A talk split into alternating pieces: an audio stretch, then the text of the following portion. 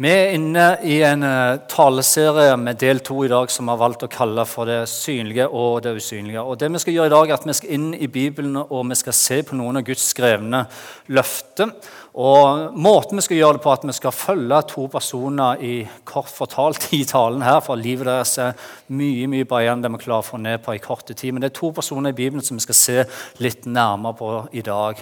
Og Noe av grunnen til det er at de fikk oppleve far at det Gud hadde sagt, det Gud hadde lovt, det skrevne ordet som sto i jorda, det ble en del av deres liv. Med andre ord, det synlige, det som de lengtet etter, det de ba om, det de ønsket, det fikk de lov å bli en del av. Det ble synlig gjennom deres liv.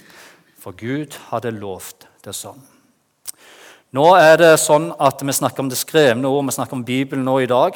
Det er en del ting som Gud har lovt, og en kan se det i historien tilbake. Det er en del ting som er gått i oppfyllelse, men det er også en del ting som ennå er usynlig for oss. Det er ikke blitt synlig for oss, og Det er derfor det heter å tro. Tro på det som ennå ikke er synlig. For det gir en tro på en Gud som har lovt det usynlige skal bli synlig. Og nå er Det sånn at det skrives utrolig mye eh, rundt omkring i dag. og Nødvendigvis er det ikke alltid sånn at, at eh, selv om intensjonen deres var god, så blir det ikke alltid like bra resultat. Som f.eks. når du hadde tenkt deg en tur i bassenget med familien, og så møter du denne her. Ja, det er godt at de setter pris på å dusje. Det er ikke så nøye med tøyet. på en måte. Eller om du skal være så uheldig å skade deg i bassenget og du har øyeblikkelig behov for hjelp, så er det godt at det fins ventestasjoner. Det er greit at de henger det opp sånn at du vet at du ikke kommer til å få øyeblikkelig hjelp her. Um, eller om du skal være så uheldig å finne på å stjele noe som selvsagt ikke er smart å gjøre, så gjør det i hvert fall ikke her. For det kan koste deg dyrt. Eller hvis du skal være så uheldig å miste et egg i gulvet mens du baker hjemme sånn at det knuser, så er det jo veldig godt for deg å vite at det nødvendigvis ikke er en feil, for det kan være et frittgående egg som stikker av gårde. Eller når vi nærmer oss påske, for det gjør vi, så kan det òg være greit å vite at selv om dette er tida for at lammelåret pleier å komme til butikken, så er det jammen ikke sikkert at det ankommer dette året her. For uh, Det kom ikke helt inn, for å si det sånn. Det skrives mye rundt omkring, og noen ganger så treffer en det en ønsker, og noen ganger ikke. Og Andre ganger så er det sånn at når en leser noe, da, så er det nesten sånn at jeg tenker ah, Det er nesten for utrolig til å være sant. Og en lurer på, det, Kan det være mulig at det gjelder meg?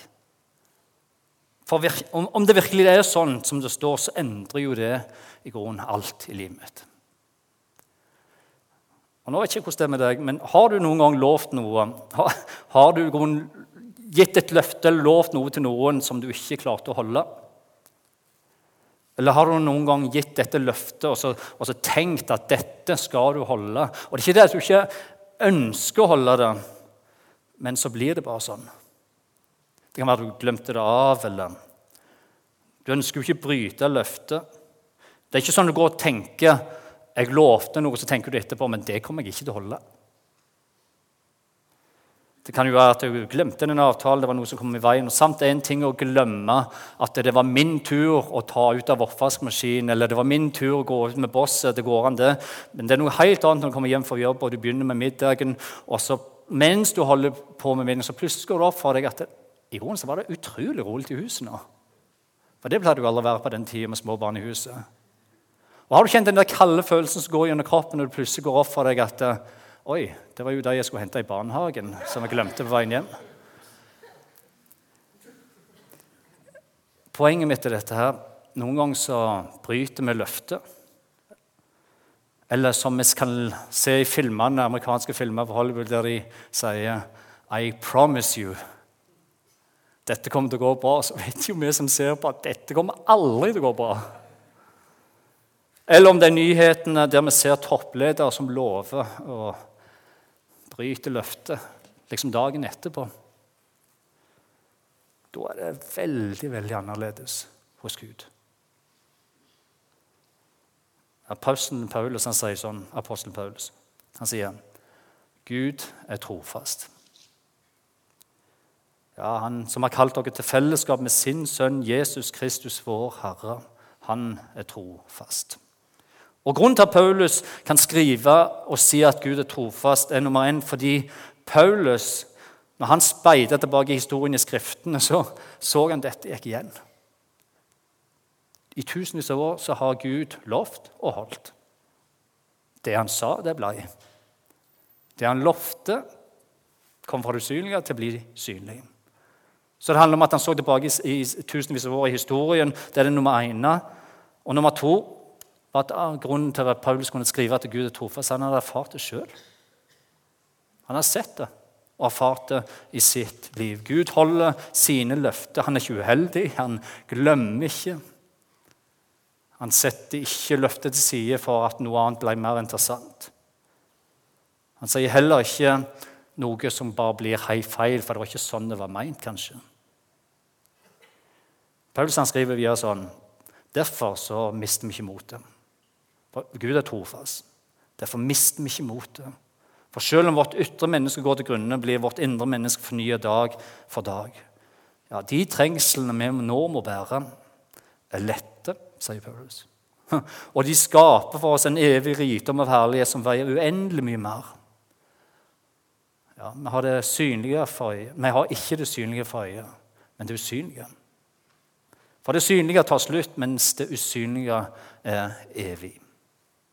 Og Det Paulus skriver om her, handler om både dette livet, men det handler også om det livet som kommer etterpå, det Gud har lovt oss i evigheten.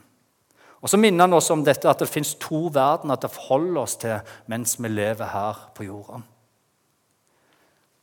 En åndelig verden som har stor betydning for hvordan våre liv er.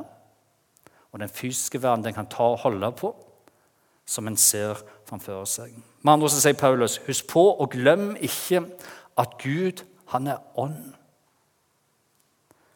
Og troen er pant på det vi håper. sant? Ja, det er et bevis på det vi ikke ser ennå. Så igjen betyr at håpet og troen vår det har sitt anker inn i det usynlige hos Gud. Jesus sier, sier det sånn Søk først Guds rike. Altså søk først Guds rike og hans rettferdighet. Hvorfor? Jo, så skal du få alt andre i tillegg.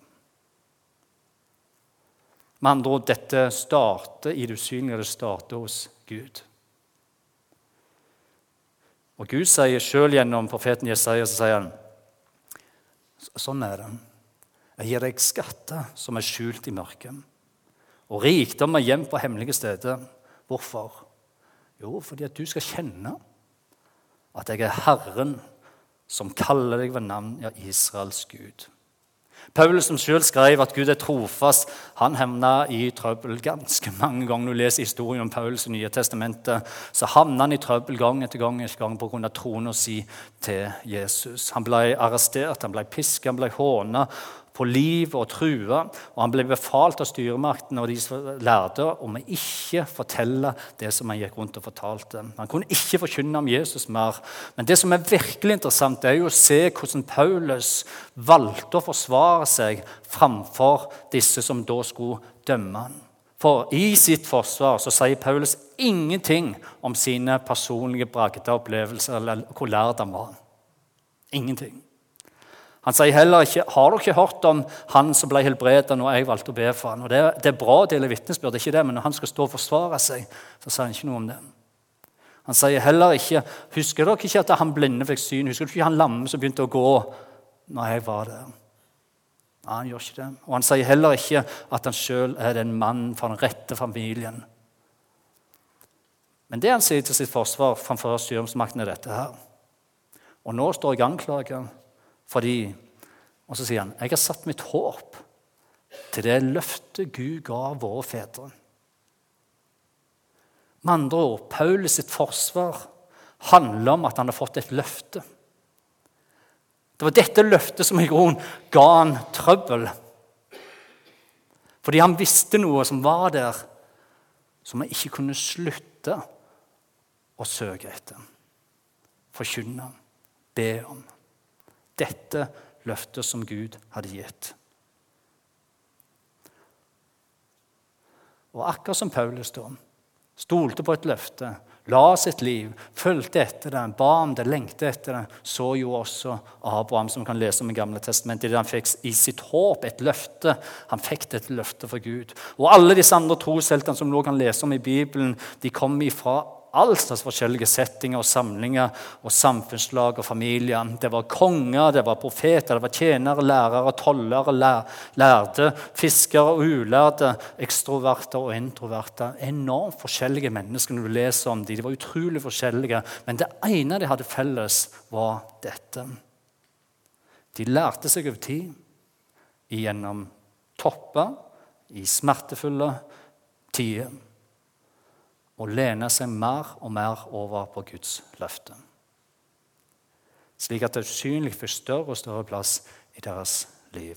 Det var også derfor de fikk lov til å oppleve fara og kunne si med trygghet ja, Gud, han er virkelig trofast.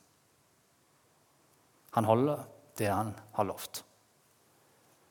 I Bibelen og i Fjerde Mosebok kan du lese om Israelsfolket idet de går fra, um, fra fangenskapet i Egypt. og De kommer ut, og Moses er sendt fra Gud for å få dem ut. og De kommer ut, og de går gjennom ørkenen noen dager, så kommer de til grensen til dette løftets land som Gud hadde gitt dem. Og legg merke til som Gud hadde gitt dem. Historien er i korte trekk sånn at Gud hadde valgt en mann som heter Moses.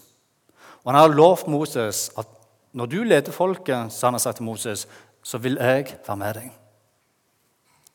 Og Ikke bare Gud lovte Moses det, men han hadde også lovt folket friheten fra slaveri. Og ikke bare lovt folket frihet fra slaveri, han hadde lovt at de skulle få et land, et løftes land. Et nytt land der familiene skulle få lov til å slå rødt i, og barnebarn og alle skulle få lov til å vokse opp. Det er også derfor dette landet kalles for løfteslandet. Israel, løfteslandet. Og Nå står de ved grensa til dette landet. Og det Bibelen sier, dette, at Herren sa til Moses.: Send nå av gårde noen menn for å utforske dette Kana-landet, som jeg vil gi til israelittene. Som jeg vil gi til israelittene. For det er nøkkelordet her som jeg vil gi. Med andre ord så snakker vi om å gå i ferdiglagte gjerninger, om å inn i noe som er usynlig, men som skulle bli synlig, som Gud har sagt. Hvis du stoler på meg, så vil jeg gi dette til deg. Og Det er ikke det at de ikke hadde erfart Guds løfte gå i oppfyllelse før. De ikke, det er ikke det at de på en måte ikke hadde opplevd at Gud grei mirakuløst inn. For det hadde de sett gang etter gang etter gang. Men her, med grenser så pga. frykt, pga. andre stemmer kom inn, så tenkte de lite om både seg sjøl om Gud. De valgte å ikke gå inn i det som Gud allerede hadde gitt til dem. Og resultatet av det ble at de vandra 40 år i en ørken.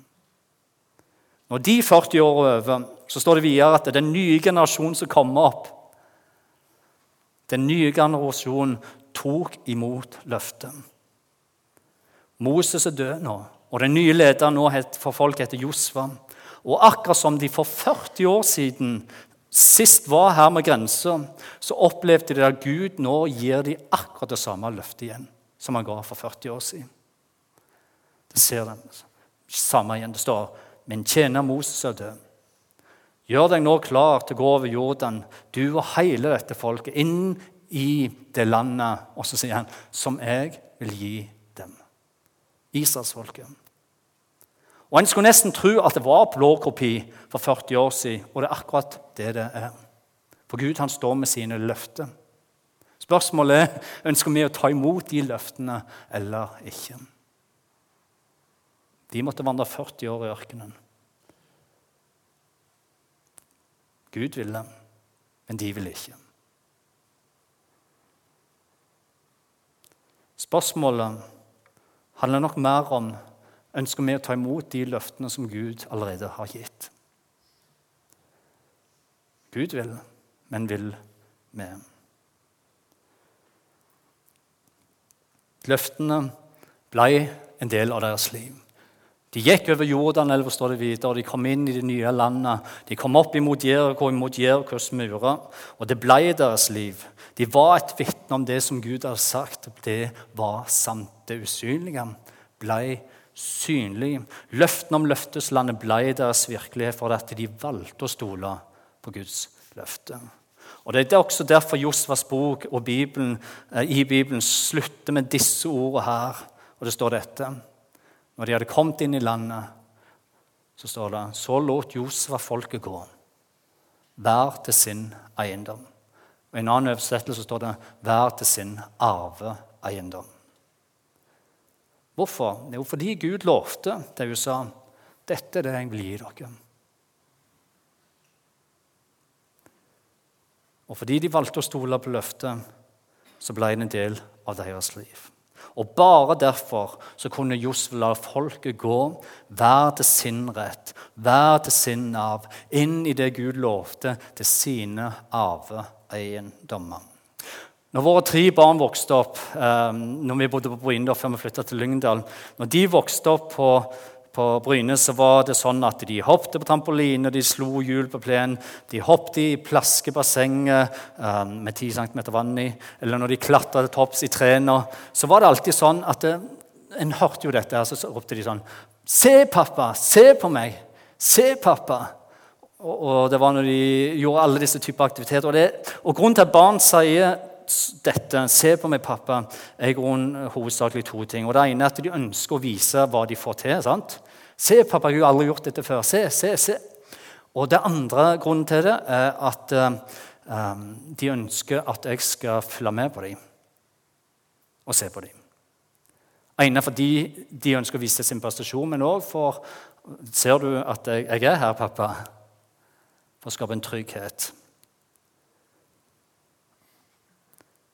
Jeg kan ærlig si at jeg savner den tida der. Jeg syns det er utrolig flott tid i livet mitt. Mens nå er det ikke sånn så mye. Det er ikke så mye 'se på meg lenger, pappa', men mer, mer seriøs pappa. Vi er ikke fem lenger, sant? Fem år. Og allikevel så er det ennå arvinger. Ennå. I Romerbrevet 8 så skriver Paulus noe om hva det vil si å være arving eller medarving i Guds rike. Og alle de som drives av Guds ånd, er barn, sier han. Dere har ikke fått en ånd som slavene har, så dere igjen skulle være redde. Nei, dere har fått ånden som gir rett til å være Guds barn, står det. Eh, den som gjør at vi roper 'Abba, far'. Abba, far, som ikke har noe med det svenske bandet Abba å gjøre det hele tatt, men som på armensk betyr pappa. Abba, pappa. Som er noe av det nærmeste og det mest intime man kan komme til Gud. Når Gud sier 'Kall meg pappa'. Jeg er din pappa. Og Hvis du noen gang skulle lure på hvorfor vi ber takkebønn, eller hvorfor vi synger låsanger, som vi gjør der, og hvis du noen gang skulle lure på hvorfor noen løfter armene når de gråter i takknemlighet, eller kneler der, om du noen gang skulle lure på hvorfor han eller hun må synge hjertens lyst selv om vi ikke har stemme til det, ja, om du noen gang skulle lure på hvorfor vi reiser oss opp og ber om å reise oss opp. Om du noen gang skulle lure på hvorfor vi lærer nye sanger så er det fordi vi får retten til å være Guds barn. Og I den retten så ligger det et løfte fra Gud til deg og meg. Et løfte og en nav som igjen betyr at hvis du har fått del i den hvis jeg har fått del i den arven, så viser historien oss i tusenvis av år at det å være Guds arving er en god ting. Det er fantastisk. Det gir fantastiske muligheter, potensial, verdi og skatter som Gud har gitt oss retten til å dele i dette livet, men også i det kommende livet. Og derfor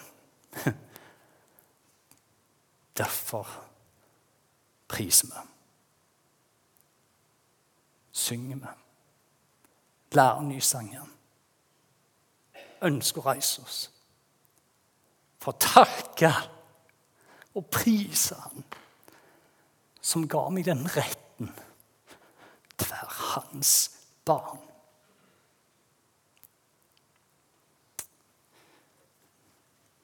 Ja, derfor så vitner vi om Hans nåde, som vi hørte så fint i dag. Ja, Derfor så velger jeg å invitere meg nye på veien. Ikke fordi jeg må.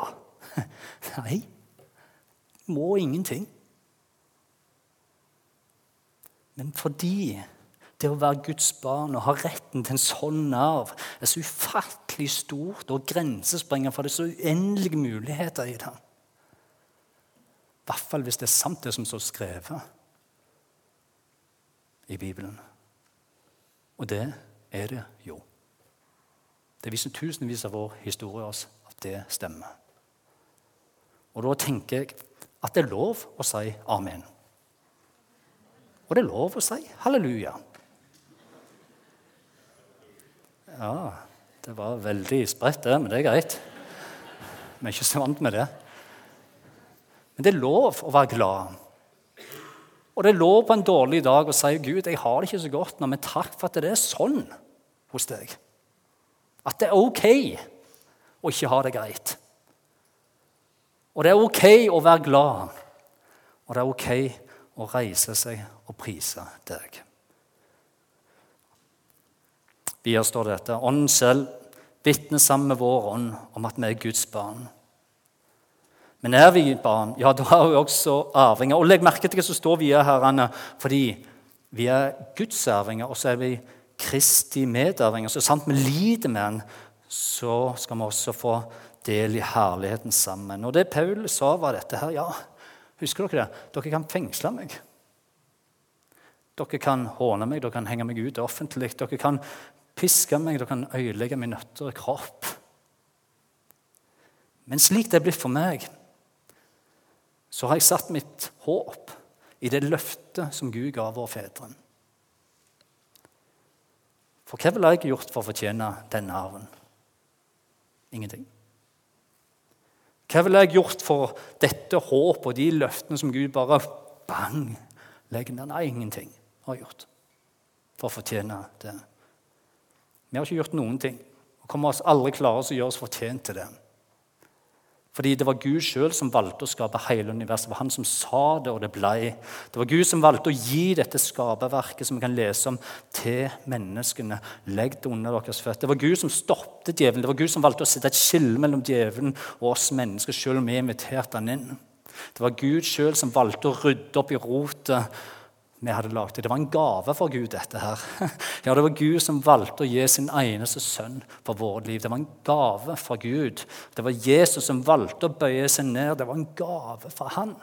Det var Jesus som døde på korset for å ta vår skyld. Det var en gave for han til deg og meg. Og det var Jesus som sto opp igjen fra de døde, og det òg var en gave fra Jesus til oss. Det var Jesus som ga oss dette løftet om at hver den som tror på han ikke skal gå fortapt, men få evig liv sammen med han. Det var en gave fra Jesus. Og det var Jesus som lovte at han aldri skulle forlate oss. Nå er det sånn at meg er gitt all makt i himmel og på jord, og jeg kommer aldri til å forlate dere. Jeg bare se se Hvis dere gjør dette oppdraget, så skal dere se at jeg forlater dere aldri. Og Grunnen til det at det er slik at du få, og meg skulle få lov til å ta imot en gave og kunne si Hør, alt dette er vår rett.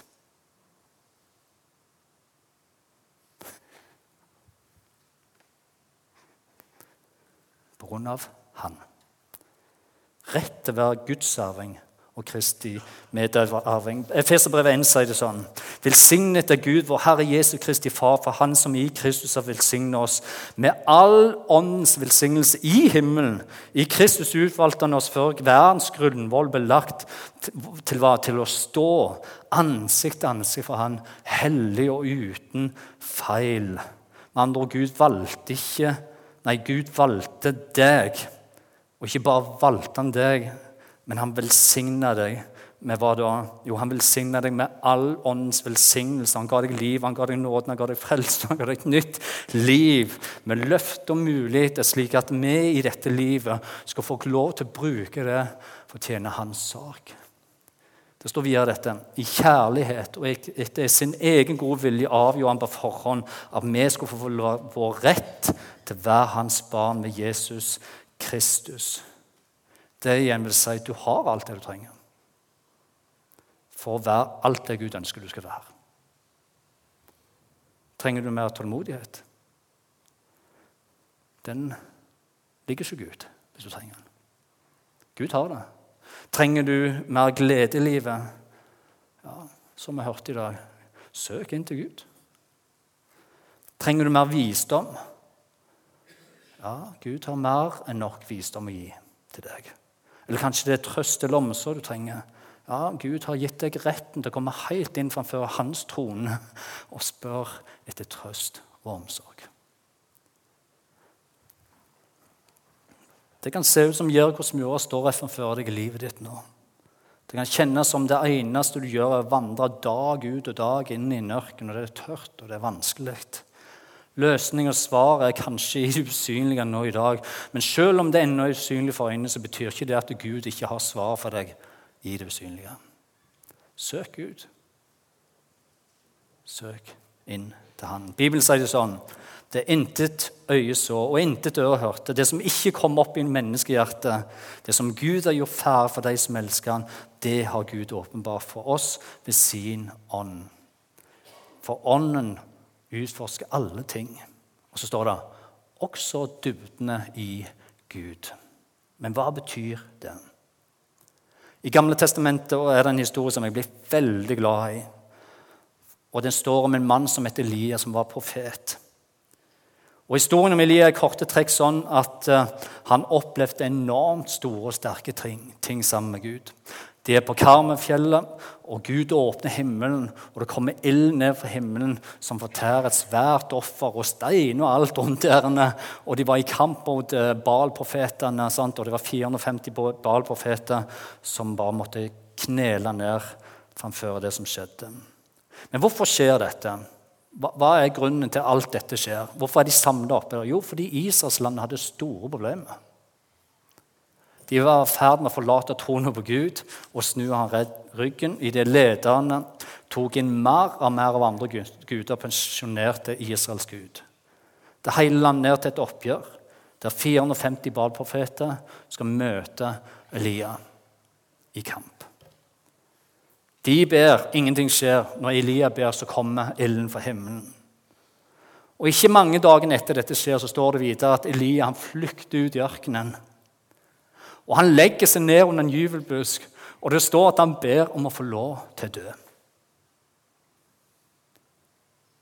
Han er psykisk helt ukjørt. Han er i en mørk, mørk depresjon.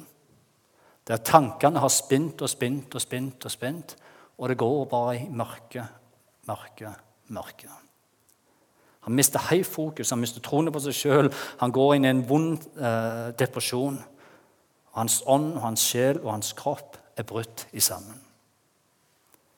Det Bibelen viser oss videre, Mens Elia ligger og sover, så sender Gud en engel ned til Elia som lager varm mat på siden der, og det kommer friskt vann. Og Han dunker Elias i sida som ligger og sover, og han sier til Elia nå må du stå opp og så må du spise. Du trenger kreftene. Elia han setter seg opp, og spiser denne varme maten. Etter han spiste opp, så legger han seg bare ned igjen. Helt utkjørt. Dagen etterpå så står det at engelen lager ny mat til han, varm mat med vann. Han dunker han igjen i sida. Elias står opp og spiser igjen. Han får mer og mer krefter til å gå videre i livet. Ikke lenge så har han krefter til ånd, og så har han krefter til sjel og så har han krefter til kroppen. Men hvorfor forteller jeg dette? Jo, nummer en, fordi Vi må aldri glemme at Gud er den samme i dag som han var i går, og til evig tid. Det står i Guds ord. Og så nummer to så må vi aldri glemme heller at vi, du og jeg, meg, også er den samme for Han. Sant? Ja, om livet er på toppene, eller om de er ørken som Elia erfarte Han blir ikke mindre pappa for det. Og vi tenker at livet er bare kaos og det er vondt og det er smertefullt. Hvor er det igjen, Gud? Han er ikke mindre pappa for det om vi ikke orker å si 'Se på meg, pappa'. Han endrer ikke testamentet, han endrer ikke løftene. Han endrer ikke arven du har rett på, selv om vi ikke orker å lese og be i Bibelen. Thomas Judin, som er pastor og forfatter, som har erfart smertefulle tap i sin innerste familie, han skriver i en av sine mange gode bøker så skriver han dette. Det åndelige livet begynner i det vi legger livet sitt som et lite frø i Guds store åker. Og det fortsetter å vokse mens man bevarer beliggende liggende der.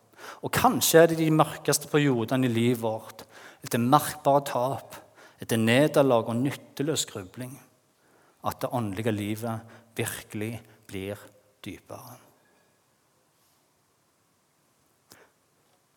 Og Nå kan ikke vi spørre trosheltene som det står om i Bibelen nå i dag. Men kunne vi spurt dem, så spørs det ikke om de hadde sagt noe sånn som dette. Det er sant, det som Thomas skriver. For Thomas han fortsetter å skrive dette. Selv om det ikke ser ut til det skjer noe i det synlige, er det noe som skjer i mørket, det usynlige. Gudsbildet fordypes.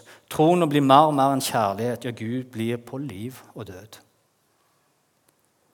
Og Det var akkurat dette Elia fikk lov til å erfare i ørkenen, under julebesken. Idet han overlot alt han bar på. Gud, nå er livet drit. Nå orker jeg ikke mer. Og han tillot at Gud fikk lov til å komme inn der i det smertefulle, i det mørke og det vonde. Thomas Judin fortsetter å skrive en av de fineste gaver man kan gi en livsledsager, en gammel forelder eller et barn. Hva er det? Jo, det er å vente på personen i alle livets endringer og variasjoner. Ja, gi vedkommende lov til å la vente på seg. Og det er også det Gud gjorde med Elia. Han venter.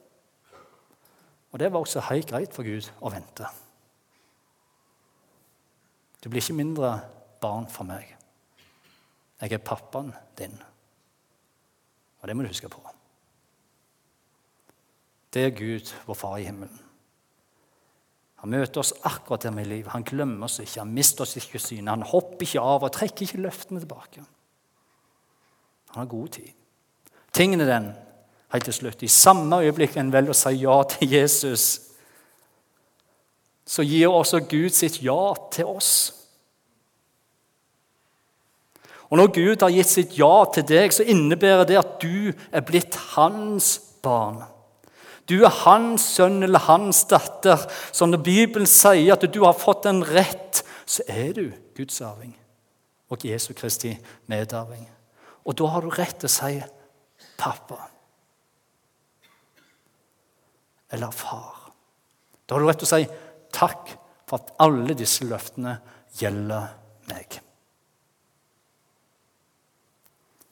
Takk for de er mine, og de gjelder oss nå i dag. Så kan da vi òg, som Paulus sier dette helt til slutt Ja, sånn ser det med meg, da. Så selv om jeg går gjennom dette, eller selv om det er sånn, så har jeg valgt å sette mitt håp til det løftet som Gud har gitt. Og der står jeg. Amen. Amen. Skal vi ta oss og be sammen til slutt? Gode Gud i himmelen, vi bare ønsker å takke og prise deg her for din godhet. Som du har vist gjennom tusenvis av år, gjennom generasjon etter generasjon etter generasjon. Så har du søkt oss mennesker. Og så viser du at den som søker deg, og som gir sitt liv til deg, og som kaller deg for pappa, far som kommer til deg med alle ting i livet, den reiser du opp igjen, den styrker du, og den gir du kraft til å fortsette. Jeg takker deg, Jesus, for at du ser den enkelte av oss. Og det står ditt ord Hver den som har tatt imot deg, har du gjort en rett til å bli Guds barn. Gode Far i himmelen, jeg takker og priser deg, Herren. For som jeg hørte innledningsvis i dag, du svikter ikke. Og du forlater oss ikke. Uansett hvordan livet er. Du har god tid, og du er pappa. Pappa i alle situasjoner. Også når vi ikke orker å si 'Pappa, se på meg, se på meg', så er du pappa. Og det har gitt oss retten til å ta imot den arven og de løftene som du har. Takk, gode pappa. Du svikter ikke, og du forlater oss aldri. Takk, gode pappa. Amen.